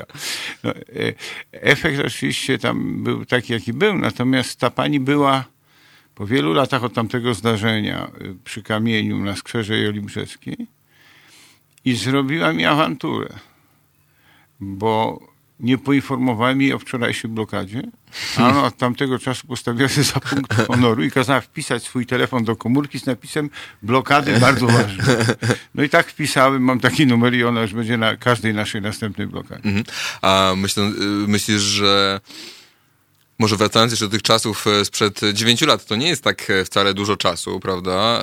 Ale czy ty myślałeś kiedykolwiek, angażując się w ten ruch e, lokatorski, no tworząc go de facto, przecież byłeś jedną z pierwszych chyba osób, które e, go, go współtworzyły, No że... jeszcze w czasach, kiedy posłowałem. tak. Jeszcze, czyli to były lata 90., tak? Tak. E, jeśli, czyli e, zabójstwo Jolanty Brzeskiej rok 2011. Czy myślałeś, że e, ta działalność, nazwijmy ją reprywatyzacyjna, te przejmowanie nieruchomości, e, kupowanie roszczeń, że to może skończyć się tragedią, że to może skończyć się Znaczy, e, ja, ja morderstwem? chcę powiedzieć po pierwsze, że samo to przejmowanie już było tragedią, yy, więc jakby istota tych działań była nie tylko bezprawna, ale amoralna. Yy, Ja widziałem wiele śmierci w czasie tej działalności. Yy, W pewnym momencie zaczęły przychodzić do tej naszej sutereny na Grochowie, czyli do kancelarii, już nie pojedyncze osoby, a całe kamienice.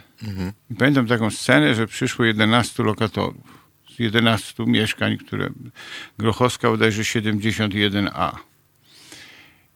I y, na następne spotkanie przyszło tylko 10. I oni mi powiedzieli, że ten jeden już nie przyjdzie, bo y, te zgryzoty i ten stres były za silne i serce nie wytrzymało i zmarł. I co się potem stało?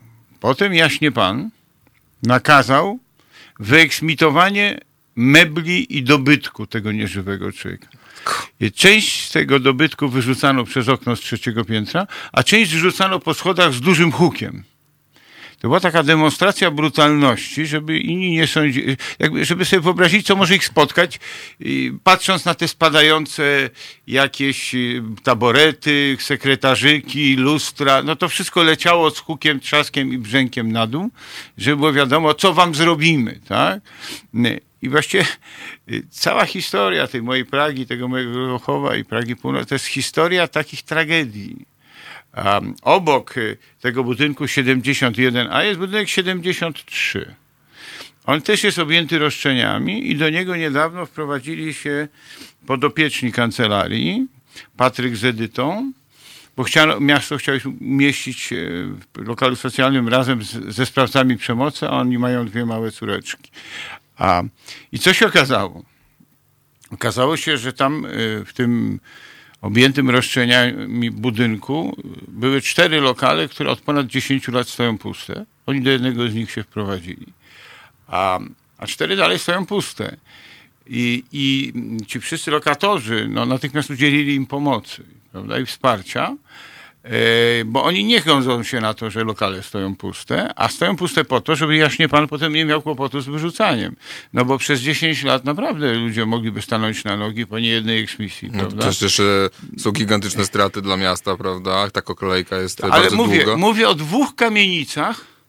Y, jak podjechałem samochodem, żeby odwiedzić Patryka z Edytą, mm, to mm, jakiś samochód na mnie zatrąbił, ponieważ w tej kamienicy 71A doszło do bardzo ważnego ulepszenia. Ona dalej wygląda, jakby się miała za chwilę zawalić, i jakby przed chwilą były działania wojenne, bo są dziury po kulach, ale brama do tej kamienicy otwiera się na pilota automatycznie i jacyś nowi właściciele, że tak tam wjeżdżali swoją limuzyną, no nie wiem, kręcić film o ruinach, bo to tak wyglądało.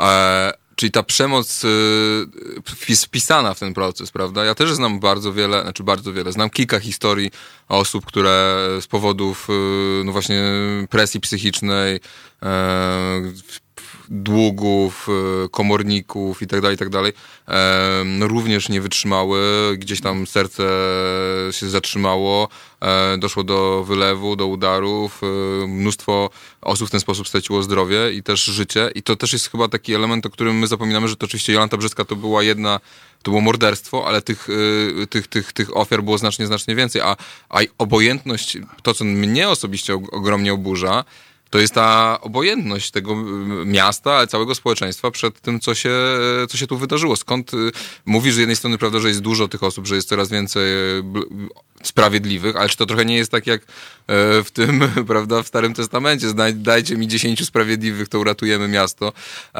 a, a tak naprawdę cała reszta tego miasta patrzy się obojętnie na to tą jest właśnie tragedię. pytanie, bo moim zdaniem sprawa reprywatyzacji y, to jest odbicie ogólnie takiego trendu do ubóstwienia prawa własności. To znaczy, y, bardzo często ludzie nawet wykształceni i inteligentni y, no, wy, wypowiadają się publicznie w mediach, że prawo własności jest święte. No tak, święte prawo własności, Tak, to i niemal teraz- fundament I ustrojowy. teraz chodzi mi o to, że czasami mamy wrażenie, po tym jak się zachowują właściciele, niekoniecznie z reprywatyzacji. Mamy przykład Wołomina na przykład, gdzie też jeździmy z interwencją, gdzie właściciel zachowuje się jak czyściciel, mimo że nie z repry, ale kupił i jak nie, mam w Szulejówku taką panią, która kupiła kamienicę i właściwie zachowuje się tak, jak gdyby była jakąś małą dziewczynką, która kupiła y, domek z lalkami i teraz bawi się tymi lalkami, czy tymi lokatorami. I jest oczywiście okrutna, no bo dzieci bywają okrutne, no bo ona oczywiście jest jakaś nienormalna moim zdaniem, ale y, y, y, troszkę jest tak, że nawet nie troszkę, że ci właściciele i duża część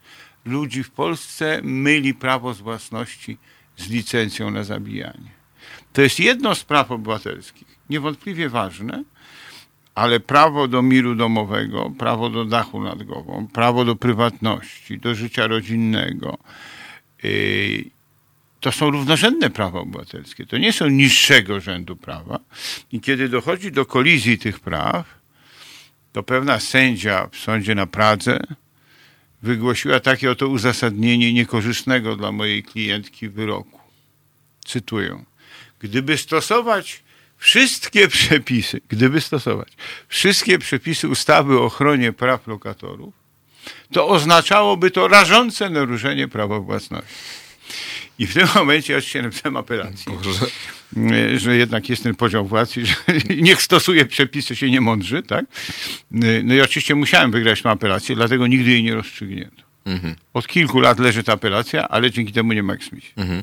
Ale y, dobrze, czyli myślisz, że ta, y, ten, ta apoteoza prawa własności w Polsce bierze i, i to jakby to powoduje to o ludzką obojętność? Znaczy- W jakiejś mierze, wiesz, jak były strajki górników w Anglii, to y, brytyjskie społeczeństwo dzieliło się na dwie części.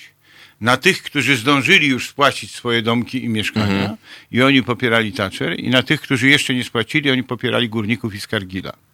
I u nas y, tą grupę właścicieli bardzo y, znacząco i z przyczyn ideologicznych y, szybko zwiększono poprzez rozdawanie mieszkań za tą przysłowiową złotówkę. I co ciekawe, ludzie, którzy groszem nie śmierdzieli, którzy raptem dostali majątek, który w dodatku jego wartość się podwyższyła z chwilą wejścia do Unii, bo podrożały Tak. nieruchomości, e, zaczęli mieć, mimo że dali są biedni, bo już nie mogą puścić tego mieszkania sprzedać, bo nie mieli gdzie mieszkać, ale oni zaczęli mieć taką burżuazyjną mentalność, pozakładali wspólnoty i zaczęli patrzeć z góry, a nawet szykanować ludzi, którzy nie wykupili mieszkań, czyli wciąż pozostali najemcami, a nie właścicielami lokali. Czyli tworzy się tą grupę właścicieli. W ogóle jest taka koncepcja, że Polskę należałoby porąbać siekierą, każdy ma swój kawałek i się opalikuje, tak? I to wtedy będzie sprawiedliwie i dobrze. Y, A ja przypomnę, że w czasie II Rzeczpospolitej no, przypadki zwrotów majątków, nawet majątków odebranych za udział w powstaniach przez carat były rzadkie, ponieważ uważano, że dobro publiczne jest ważniejsze niż prywata. Czyli nawet w mentalności naprawdę niezbyt postępowej II Rzeczpospolitej, no było to dobro publiczne, które się opierało może nie na sprawiedliwości społecznej, ale na pewno na patriotyzmie. Tak? Natomiast tu nie ma nawet tego patriotyzmu, no tu jest po prostu y, y, takie szarpanie tego czerwonego sukna.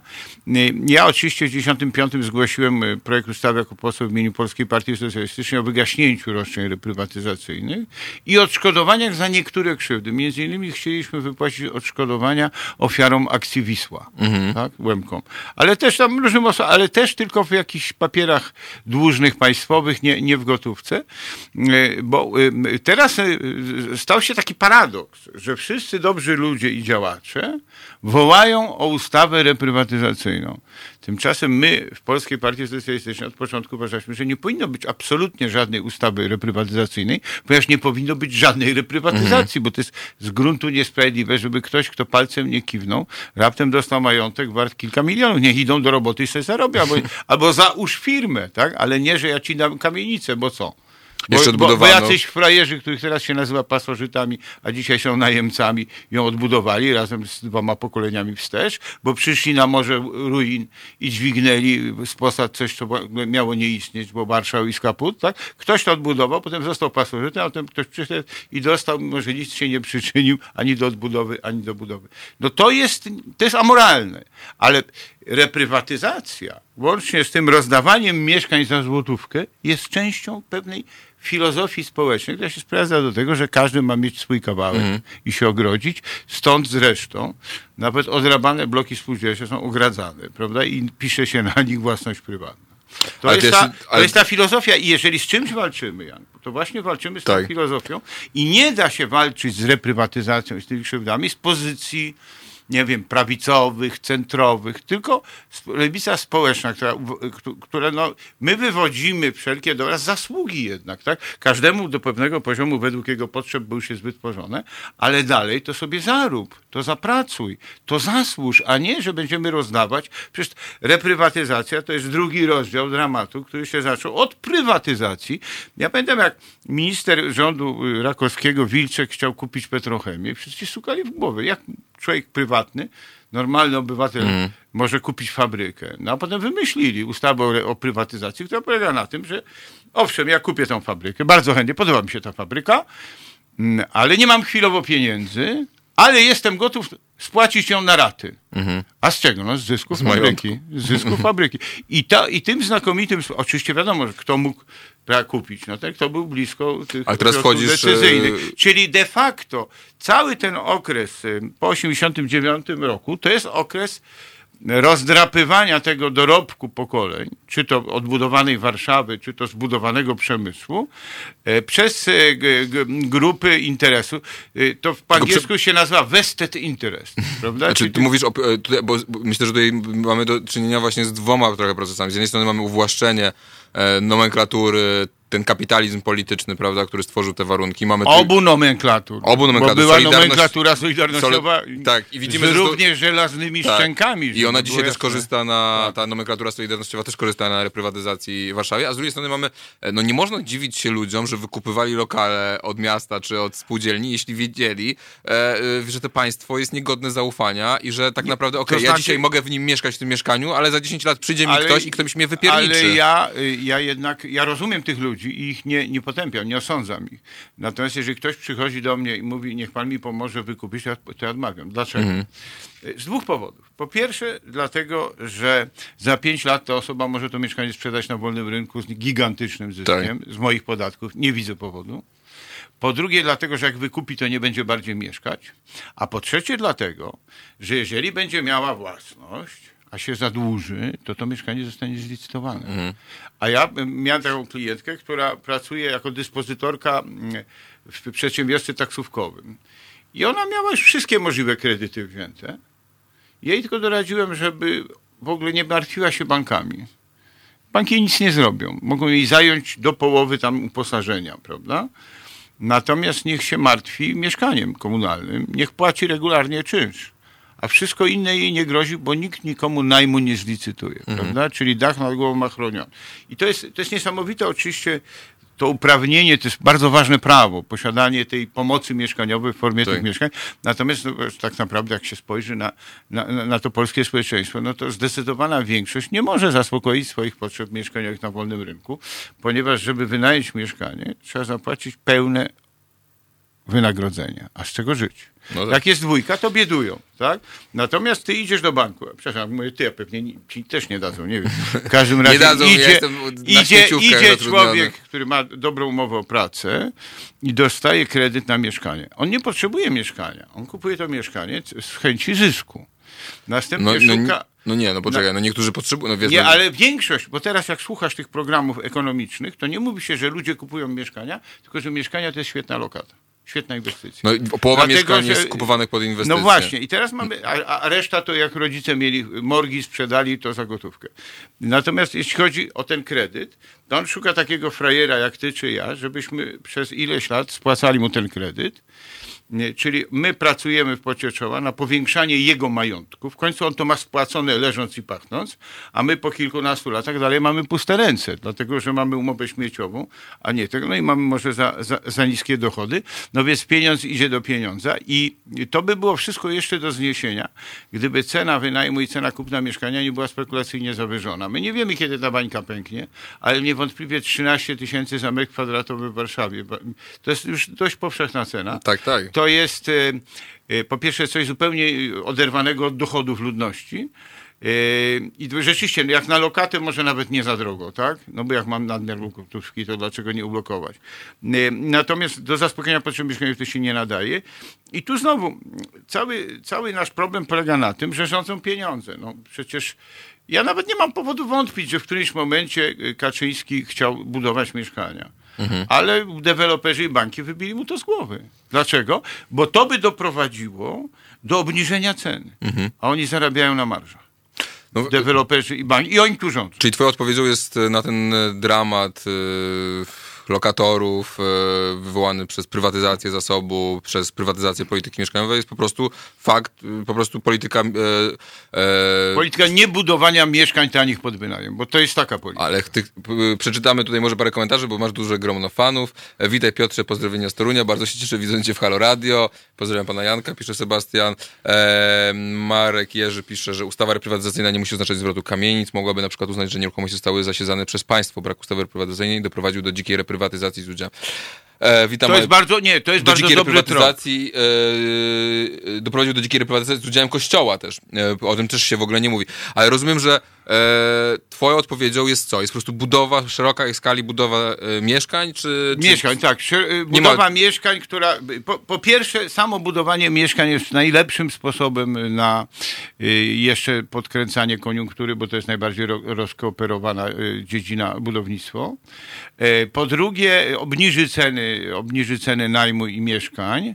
Po trzecie, pozwoli ludziom nie tylko na to, żeby nie zaspokajać, żeby nie wyprowadzać się od rodziców do Hamburga, Berlina czy Londynu, bo to jest pierwsze miejsce, gdzie ich No tak, stać. łatwiej się przeprowadzić za granicę niż do Warszawy czy do No, właśnie. Krakowa, prawda? A po, a po trzecie, co jest też równie ważne, y, stworzy to rynek najmu mobilnego i stworzy możliwość y, przenoszenia się y, po całej Polsce w poszukiwaniu y, pracy. Mhm. Bo część niedoboru siły roboczej, zwłaszcza w wybranych branżach, co hamuje gospodarkę, wynika z tego, że owszem, specjalista jest, tylko w PRL-u, Jak jak trzeba było tego specjalisty, to się go kusiło mieszkanie. I wtedy on jechał tam na tą nową budowę i tak dalej. Natomiast tutaj on, jak chłop pańszczyźniany, tylko już nie do ziemi, a jest przywiązany do mieszkania. Do- i kredytu. No bo ten rynek nie istnieje, kredytów nie ma, nikt nikomu jeszcze dodatkowo nie ufa, bo my mówimy o tym, najmie przecież doraźnym, gdzie tam na wolnym rynku ludzie wynajmują, ale jak ktoś ma dwójkę dzieci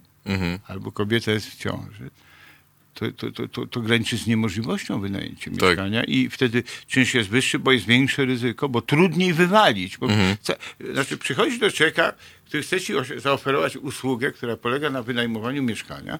On na ciebie patrzy i zastanawia się, czy łatwo będzie cię wyrzucić, jak przestaniesz płacić. Boże, no, tak. To są stosunki No, społeczne. tak. Wiesz?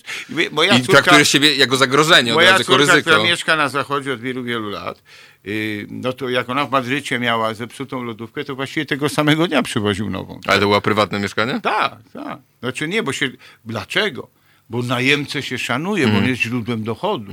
Teraz mamy tą całą historię z tymi eksmisjami yy, i bardzo często zdarza się tak, i to jest to, co mówimy o tej opinii publicznej, no, że jest jakiś, no, wiadomo, że jak mnie źle zweryfikował yy, bank i nie mogę sobie kupować mieszkania na kredyt i co mi- miesiąc wpłacać na pomnożenie mojego majątku, tylko wpłacam co miesiąc na pomnożenie majątku wynajmującego, czyli właściciela, to znaczy, no, że ze mną może być słabo w którymś momencie, wystarczy, że stracę te zlecenia, czy, czy zachoruję. I w tym momencie będą mnie wyrzucać. I, mm, I ci właściciele nie chcą czekać na wyrok sądowy, y, tylko chcą od razu tego człowieka złapać za fraki i wystawić na dwór, bo on chce już mieć następnego, a wcale nie jest łatwo następnego. A ty mówisz o tym najmie Y, okazjonalnym. No, no tym takim rynkowym, gdzie człowiek młody, no wiadomo, Tak. no, ile może pokoleń w jednej izbie mieszkać, Tak. tak? No i w tym momencie, w tym momencie ja zawsze tłumaczę, że y, sprawa eksmisji nie trwa długo teraz. To jest kwestia kilku miesięcy. W momencie, Mhm. No, kiedy to lokator, sądy są. Tak. W momencie, kiedy lokator uzyskuje uprawnienie do lokalu socjalnego, a zwykle jak się nie wyrabia z czynszem, no to się zwykle kwalifikuje, to właścicielowi przysługuje odszkodowanie od gminy w wysokości czynszu wolnorynkowego. Czyli Naprawdę? tak, i, i ponieważ gminy przegrały już multum procesów, to płacą bez gadania. I nie- płacą rynkowe stawki tak, prywatnym rynkowe stawki. właścicielom. W związku z czym, jakbym był właścicielem, to właśnie tak bym zrobił. Dlaczego?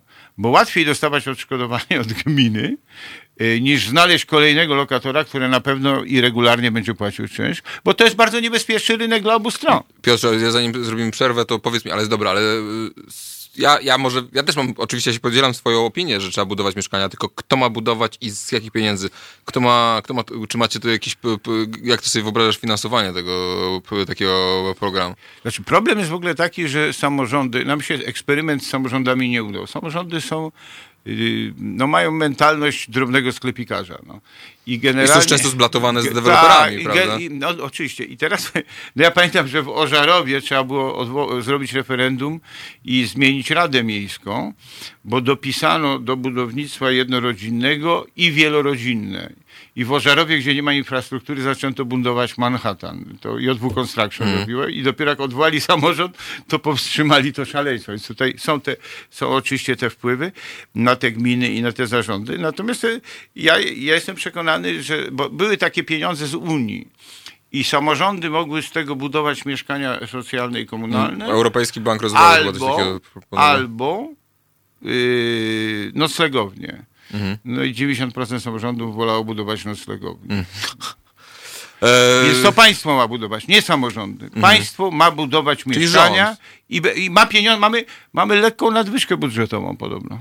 Jest czego. tak, tak słyszałem, czy to prawda? Nie mam pojęcia, trochę nie chce mi się w to No wierzyć. To, no to ja mówię, sprawdzam, budujcie. Z- y, wracamy po y, Never Tear Us Apart ENX.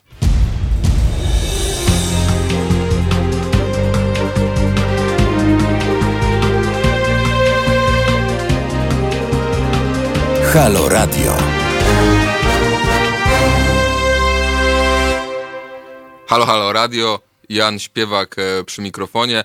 E, rozmawialiśmy e, w pierwszej części programu z Piotrem Ikonowiczem o reprywatyzacji, o problemie mieszkaniowym e, i będziemy, e, myślę, te, chcielibyśmy, chciałbym w tej drugiej części e, programu porozmawiać no właśnie o przyszłości lewicowej czy progresywnej polityki. No właśnie, lewicowej czy progresywnej? no właśnie, ja nie wiem, bo, bo dużo osób się boi tego, tego słowa lewica, ale z drugiej strony mamy przykład, który dla mnie przynajmniej jest dużą inspiracją. Jestem od dłuższego czasu pod dużym wrażeniem tego, co się dzieje w Stanach Zjednoczonych, gdzie Bernie Sanders określa siebie mianem socjalisty i on się zupełnie, prawda, nie boi tego słowa. I ty też jesteś taką osobą, która się nie boi tego słowa, a, a mam wrażenie, że jednak dużo lewicy, czy Ale tam... Berniemu idzie lepiej. No, no właśnie, czy, Ale dlatego, że tam y, no nie było tego PRL-u, no, no nie, nie ma tego odium, prawda, że oto mieliśmy okres, w którym nie było demokracji, a na, nosił nazwę lewicy. So- i- tak? i socjalizmu, z lewicą prawda? miał, niby, No, ale ale niewiele. Ja myślę, że też właśnie pytanie u Berniemu Sandersowi uda, udaje się, nie wiem czy mu się to uda, ale udaje się zrobić jednak coś, co chyba mi się wydaje jest kluczowe dla zwycięstwa tych sił, jak nazwijmy to progresywnych, lewicowych, tak naprawdę jak je nazwiemy to chyba jest drugorzędne, czyli mu się udało e, za, zawiązać sojusz między klasą e, pracującą, ludową, kiedyś nazywała się taką klasą robotniczą, prawda? Czyli osób, które pracują fizycznie, cze- często w Kiedyś usługach. mówiło się milcząca większość, a teraz możemy śmiało powiedzieć uboga większość. Uboga... Jest problem, bo jest mnóstwo prac w, w usługach, które niby nie są e, pracami fizycznymi, a tak naprawdę są fizycznymi robot... pracowa- pracami, a w każdym razie. No, no, No ktoś, kto wozi pizzę, na pewno jest robolem, a nie inteligentnym. no, no więc właśnie, czy ktoś to, Chociaż to może czytać książkę. parzy kawę, prawda, też Tak, jest raczej robotnikiem niż. Chociaż u nas jak ktoś wozi posiłki, to na pewno jest z Pakistanu. No, to jest inna w ogóle aspekt, e, to jest kwestia polityki imigracyjnej i, i tego, co ona robi z, z rynkiem pracy, ale to jest jakby, zostawmy na, na uboczu. Bernie, Berniemu Sandersowi u, u, na, udało się zawiązać ten sojusz między właśnie tą klasą pracującą, a tą klasą średnią, tak? Że jakby, że to tak, że to obie te klasy rozumieją, że jeśli one, prawda, nie sięgną po, e, no, po polityki publiczne, po e, budowę, mie- bud chociażby mówiliśmy o budownictwie mieszkań, ale mówimy też o transporcie publicznym, mówimy o publicznej edukacji, mówimy o, o publicznej e, opiece zdrowotnej na wysokim poziomie, e, że jakby, że dopóki nie dojdzie do tego sojuszu, to będą rządzić e, bogaci, którzy mają właśnie ten swój program prywatyzacji wszystkiego, rozbijania wszystkiego, co wspólne i tak dalej, i tak dalej. I jak w sytuacji państwa e, potransformacyjnego, gdzie mówiłeś w pierwszej części tego programu o tym, że bardzo dużo ludzi wykupiło, prawda, mieszkania, dostało mieszkania i jakby i awansowało niejako trochę e, No, takimi do, do klasy posiadaczy. Tak. do klasy posiadaczy. Jak zawiązać ten sojusz między tymi średniakami, a tymi na samym dole drabiny społecznej? E, bo, czy, czy w ogóle, czy też się, po, po, a poza tym, czy w ogóle się zgadzasz z taką e, tezą, że to jest kluczowe, żeby e, tą władzę e, tym wpływowym, możnym elitom, establishmentowi e, odebrać i żeby ten model gospodarczy no, uczynić bardziej ludzkim, tak? Ja myślę, że tak, że oczywiście na Zachodzie te procesy bardziej dojrzały, bo ten proces, y, u nas dopiero ta y, tak zwana klasa średnia, czy ludzie o fałszywej świadomości klasy średniej, ale którzy mają się trochę lepiej niż reszta, y, oni dopiero powstali. Oni są w pierwszym pokoleniu, oni są bardzo zadowoleni, że osiągnęli to, co osiągnęli, bo wyrwali się z nędzy, czy uciekli, czy uniknęli nędzy, która jest wokół, tak? Czyli na przykład w kopalni Bogdanka, górnicy, mają świadomość klasy średniej, bo wokół jest Lubelszczyzna biedna i po prostu ich pensje, no to są arystokracja robotnicza, tak? Więc oni się uważają za klasę średnią, a nie za klasę robotniczą, chociaż codziennie zjeżdżają pod ziemię kopać, y, kopać węgiel. Natomiast y, na może, zachodzie... może te pojęcia klasy są dzisiaj e, nieco adekwatne. Może to trzeba inaczej myśleć. Znaczy, problem, problem jest oczywiście taki, że yy, ktoś decyduje, a ktoś wykonuje. Ktoś, yy, jakby kształtowane są nasze prawa i podział dochodu przez tych na górze, tych, co wzięli więcej. Więc jakby ten podział klasowy jest oczywisty. Natomiast yy, no, na Zachodzie doszło już do tego, że klasa średnia jest przez kapitał, przez koncerny i przez tą klasę wyższą, upper, upper class, spychana nogami z łóżka. Bardzo długo oni byli potrzebni na przykład jako konsumenci, ci, którzy nabywają produkty. W tej chwili już nie ma tego problemu, bo można przecież wyeksportować. Tak? Gospodarka jest globalna. Więc ta, ta, ten szacunek do popytu wewnętrznego własnych obywateli bardzo maleje. Dlatego można tym obywatelom coraz mniej płacić. E, prawa pracownicze są demontowane, uprawnienia socjalne są demontowane i w Stanach Zjednoczonych to już jest tak e, oczywiste, że ludziom się robi krzywdę, że jak wychodzi facet i mówi, że król jest nagi, mówi o Bernie Sandersie, że ten system się nie trzyma kupy, że tak tyle milionów Amerykanów bez opieki zdrowotnej to jest dziki skandal, bo nam się z kolei w Polsce mówi, że na razie nie możemy tego czy owego dostać, y, bo Polska jeszcze jest za biedna, tak? No i wtedy Jesteśmy ciągle na dorobku. I wtedy idziemy do kraju największego, najbogatszego kraju na świecie, do Stanów Zjednoczonych, gdzie miliony ludzi mieszkają w przyczepach kempingowych, prawda?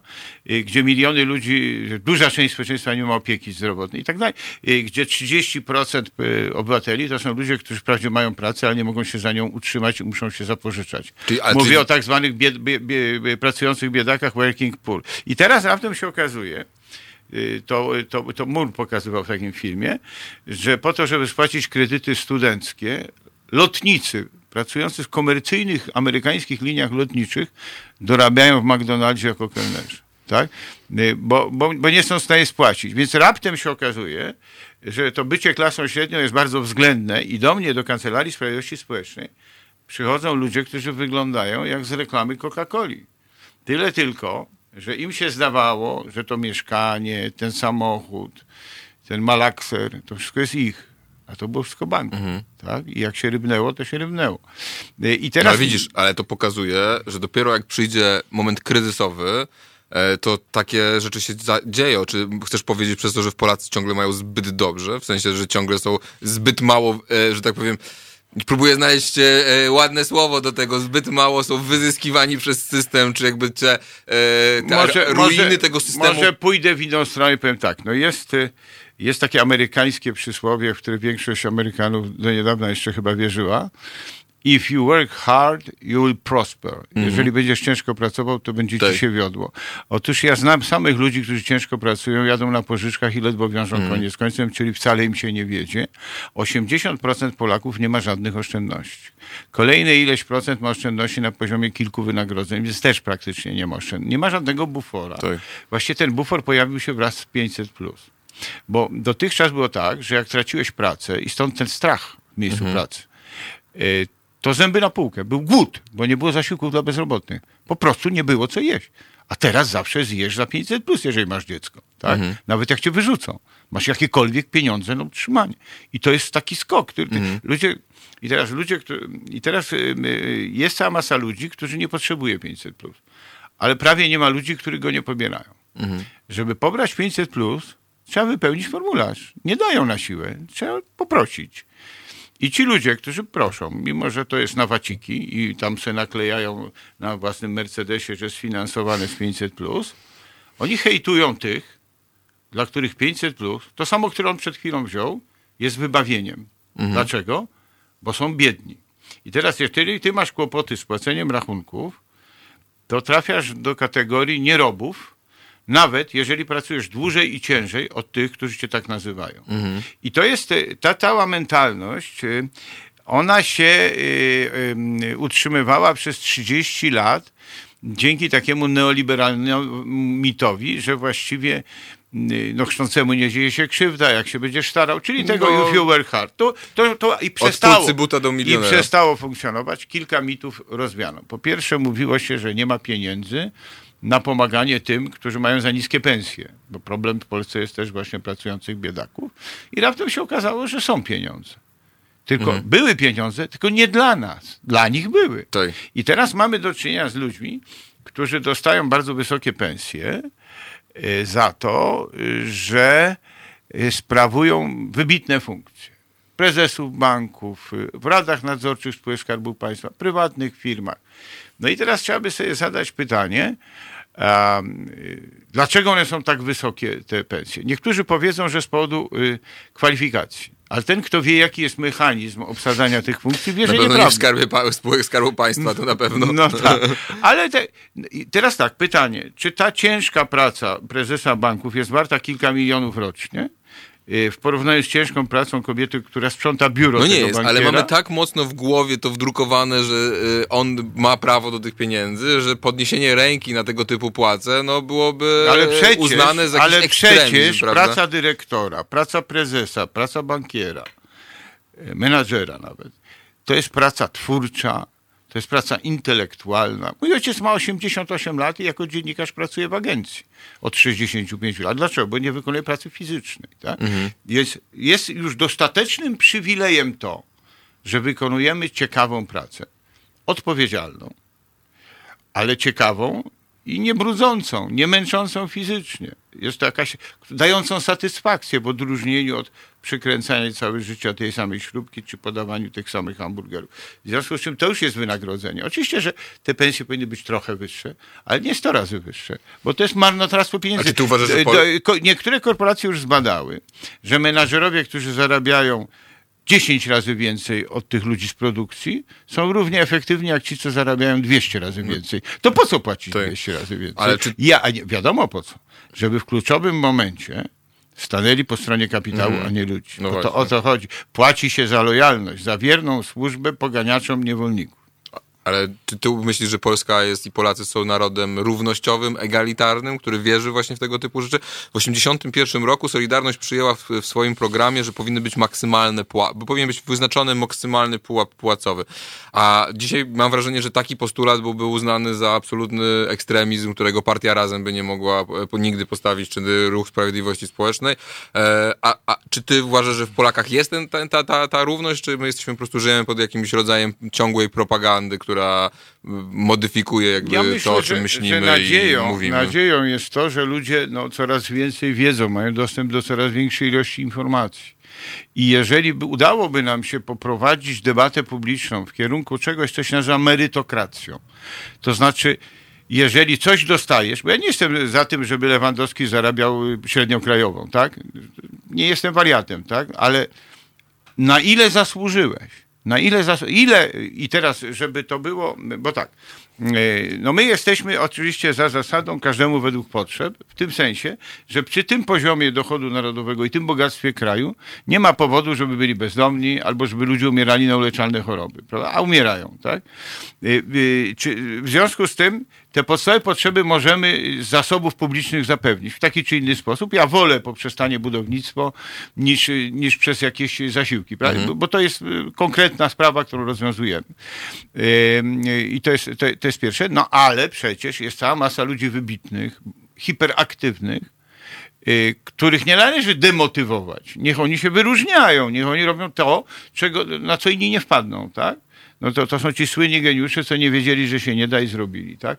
I tym ludziom trzeba zapłacić więcej, ale za zasługi dla wspólnoty, dla społeczności a nie dla właściciela, a nie dlatego, że, bo y, jak mówimy, że praca bankiera jest odpowiedzialna, przepraszam, a jaką odpowiedzialność ponieśli bankierzy, którzy wywołali kryzys hipoteczny? Nie no, żadny. Przecież zabrali miliardy złotych jeszcze w formie premii. Mają się dużo lepiej. Ale, ale Islandia jest przykładem, że może być inaczej. No tak, ale Islandia Był bunt wiesz, społeczny, było referendum i zamknęli tych bankierów do więzień. No właśnie, ale to jest takie typowo, mówi, mowa jest o tym, że skandynawskie społeczeństwa są takimi typowo egalitarnymi społeczeństwami i Polacy, wydawało mi się, że też są takim społeczeństwem, no solidarność, prawda, cały ten fenomen. Co się takiego stało, że ten, to, ten egalitaryzm zdali- daliśmy sobie z głów Znaczy, wybić? przyjęto mit amerykański i ludzie, którym się nie wiedzie, y, wstydzą się tego. I zap- zapędzanie do kąta, zawstydzanie, hejtowanie każdego, kto ma kłopoty, y, jest sposobem, tak jak pani Kidawa-Błońska na przykład mówi teraz, że zasiłki rozleniwiają, tak? No chcą połączyć 500 plus z pracą, prawda? Tak. Że jeśli pracujesz, tylko możesz e, no, dostawać no, pieniądze. to, czy to jest. Dlaczego y, y, ta y, klasa wyższa, którą, częściowo klasa średnia, którą reprezentuje Platforma, tak krzywym okiem patrzy na zasiłki, które nie są uwarunkowane od pracy? Dlatego, że 500 plus pozwoliło ludziom nie podejmować pracy za czapkę śliwek. Mhm. A oni chcą z powrotem zapewni, zapędzić do niewolniczej pracy. I o to chodzi w tym programie. Bo mm, ja nie widzę, po, poza, poza wszystkim innym, no to jest jednak zasiłek adresowany dla dzieci. A ja jeszcze w latach 90., na początku 2000, myśmy opublikowali i album, i robili wystawę zdjęć w Parlamencie Europejskim, i książkę napisałem o kryzysie społecznym w Polsce, gdzie według wszystkich danych, głównie zresztą Eurostatu, e, polskie dzieci były najbiedniejsze w Unii Europejskiej i najbardziej zaniedbane. I co? I teraz y, adresowanie do tych y, dzieci, gdzie Scharfenberg, przecież żadna prawica, Rysiek Scharfenberg, pan profesor, mówi, że dzięki programowi 500 plus wyeliminowano skrajne ubóstwo wśród dzieci, tak? prawie w 100%. No to, to teraz to mamy cofnąć, uzależniając od tego, czy oni będą pracować, czy rodzice, przecież to jest, i jeżeli ktoś z podu 500 plus przestał pracować, to jak mało musiał zarabiać, prawda? I to chodzi o to, żeby oni znowu wrócili do tej No tak, pracy tylko że teraz Piotr- niewolniczej. Otóż nie ma na to zgody. Tylko dlaczego Piotr to robi prawica i robi to nie pod hasłami solidarności, prawda, między klasą średnią, robot, międzyludzką po prostu, tylko robi to pod hasłami, prawda, e, konserwatywnymi, narodowymi. Już nie, już nie, już nie. Już, już Kaczyński przed poprzednią kampanią powiedział, jak przegramy, to zabiorą wam naszą politykę społeczną. Nie natalistyczną, społeczną. No. I teraz No dobrze, ale, stało? no dobrze, ale dlaczego to prawica to robi, a nie lewica? Dlatego, że Jarosław Kaczyński jest niewątpliwie najzdolniejszym i najbardziej inteligentnym politykiem w Polsce. I wymyślił sposób, nie taki znowu trudny do wymyślenia, że jeżeli będzie się dobrym dla ludności, to ludność będzie nas wybierać. Zaskakujące, prawda? Bardzo. I on, i on jest. I on, i oczywiście, co to jest być dobrym dla, dla ludności? No, większość ludności jest biedna, więc jak, do, jak i, i dostaje głodowe prace, płace. Te zasiłki na dzieci. To, to jest y, bardzo mała rekompensata za to, że ludzie są w takiej biedzie i że mamy tych pracujących biedaków, bo to jest taki dodatek, żeby przeżyć, tak? I teraz oczywiście, że większość działaczy y, PiSu to są ludzie równie prawicowi i liberalni jak działacze PO.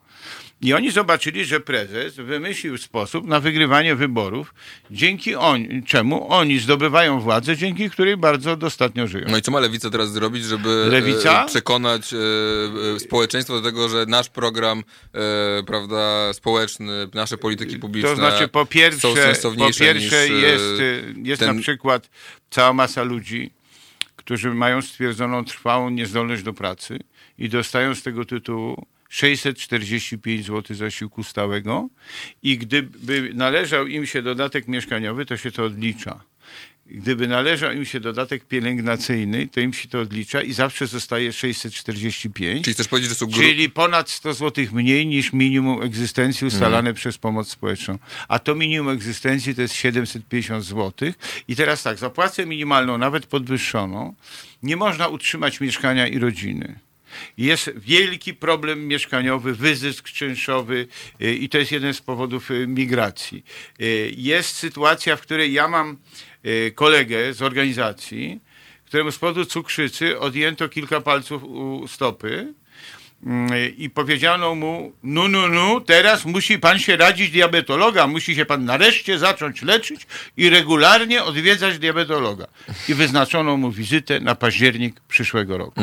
Tak? To ja nie wiem, co mu zdążą odciąć, Mhm. Zanim on się będzie radził tego diabetologa, a jest zagrożony eksmisją na bruk, tak? Znaczy jest cała, znaczy nie może być tak, bo w Stanach Ale- to już jest otwarte. Bogatych się leczy, biednych nie. Tak. A u nas się to robi w sposób ukryty, ale wychodzi No na to tak. samo, bo ludzie umierają w kolejkach, dlatego, że ci, którzy o tym decydują, posłowie, ministrowie, prezesi i tak dalej, oni się już dawno leczą prywatnie i nie zamierzają ze swoich pieniędzy z podniesionej składki zdrowotnej finansować leczenia biedaków. Wiesz, oni się nawet nie muszą leczyć, y, oni się często leczą bezpłatnie, No, bo mają swoje kliniki, tak, y, tak, bo mają ale- swoje, ale również- wiesz... ale również za kasę, ale tak. czy ty chcesz to przez to powiedzieć, już ma, ma, mamy ostatnie dwie minuty i jakby, że lewica powinna dotrzeć do tych grup, czy powinna y, uświadamiać ludzi, że jest gorzej Słuchaj, niż ja nie mam wydaje, problemu z czy- docieraniem, No, ale bo my pro- prowadzimy, bo nie, rządzi- nie, my prowadzimy działalność społeczną, w ramach której wszystkie te grupy, oczywiście no, poszczególne jednostki, do nas docierają, dzięki czemu my, jako Ruch Sprawiedliwości Społecznej, możemy mówić o realiach takich, który Kowalski zna na co dzień. A niestety y, No, deklamacje oni- większości lewicy to są jakieś czytanki, a, a już jak ktoś zostanie posłem, to na ogół No dobra, opowiada, ale co mu z- taksówkarz. Ale rządzi PiS, a nie lewica, a, a w dodatku ta lewica, która jest w parlamencie, w dużej części jest też dość mocno neoliberalna i tak naprawdę dość prawicowa. Progresywna. progresywna. E, i, i, i, i, i, więc e, no, powiedz mi, znaczy, co, jak, jaka jest tu sukces, Ja powiem do, ci tylko tyle, że uruchamiamy telewizję internetową, żeby dotrzeć Okej. do młodego pokolenia y, i że to, co robimy na co dzień, ta pomoc ludziom, ona pokazuje jak w soczewce, czego, tych lekcji, których PiS nie odrobił Mhm. i tego, co trzeba zrobić i na co się nikt nie decyduje nawet w, w, w warstwie deklaracji. Mhm. Ja dam taki prosty przykład. Nie ma żadnego problemu z tym, żeby emerytury nie były opodatkowane. Bo to jest skandal, że się Tak. opodatkowuje tych ludzi po raz drugi. Wystarczy nie kupować F-35. Ja nie słyszę tego silnego głosu lewicy na ten temat. E, A my jesteśmy tym głosem, tylko niestety nie dość silnym. Więc e, przed lewicą dużo jest e, na pewno pracy i, i roboty. E, moim gościem był e, Piotr Ikonowicz e, z Ruchu Sprawiedliwości Społecznej. Dzisiaj właśnie rozmawialiśmy, pretekstem naszego spotkania była dziewiąta rocznica morderstwa Jolanty Brzeskiej. Jutro o godzinie 16.30 e, przed prokuraturą na Rakowieckiej czy Racławickiej będzie demonstracja w sprawie bezczynności prokuratury, sądów, policji w tej sprawie. E, Ciągle domagamy się sprawiedliwości, a wy nas słuchaliście w Halo Radio. Jesteśmy medium obywatelskim utrzymujących się z waszych składek e, i wspierających, mam nadzieję, nowe, niezależne inicjatywy polityczne, społeczne. O, mam nadzieję, Piotrze, że to nie koronawirus, tylko zakrztuszenie. E, a pamiętajcie, myjcie ręce, e, to podobno najskuteczniejsza broń przed wirusem. My się usłyszymy za tydzień. Mam nadzieję, że będziemy te, rozmawiać o temacie również związanym z lewicą. Jeśli nasz gość przyjedzie, wróci do Polski, będziemy rozmawiać o legalizacji marihuany. Eee, a teraz Everybody Hurts R.A.M. R.A.M. To proste.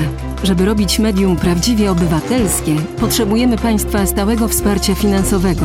Szczegóły na naszej stronie www.halo.radio, w mobilnej aplikacji na Androida i iOS-a oraz na koncie Fundacji Obywatelskiej w serwisie www.patronite.pl. Naszym darczyniom i darczyńcom serdecznie dziękujemy. www.halo.radio. Słuchaj na żywo, a potem z podcastów.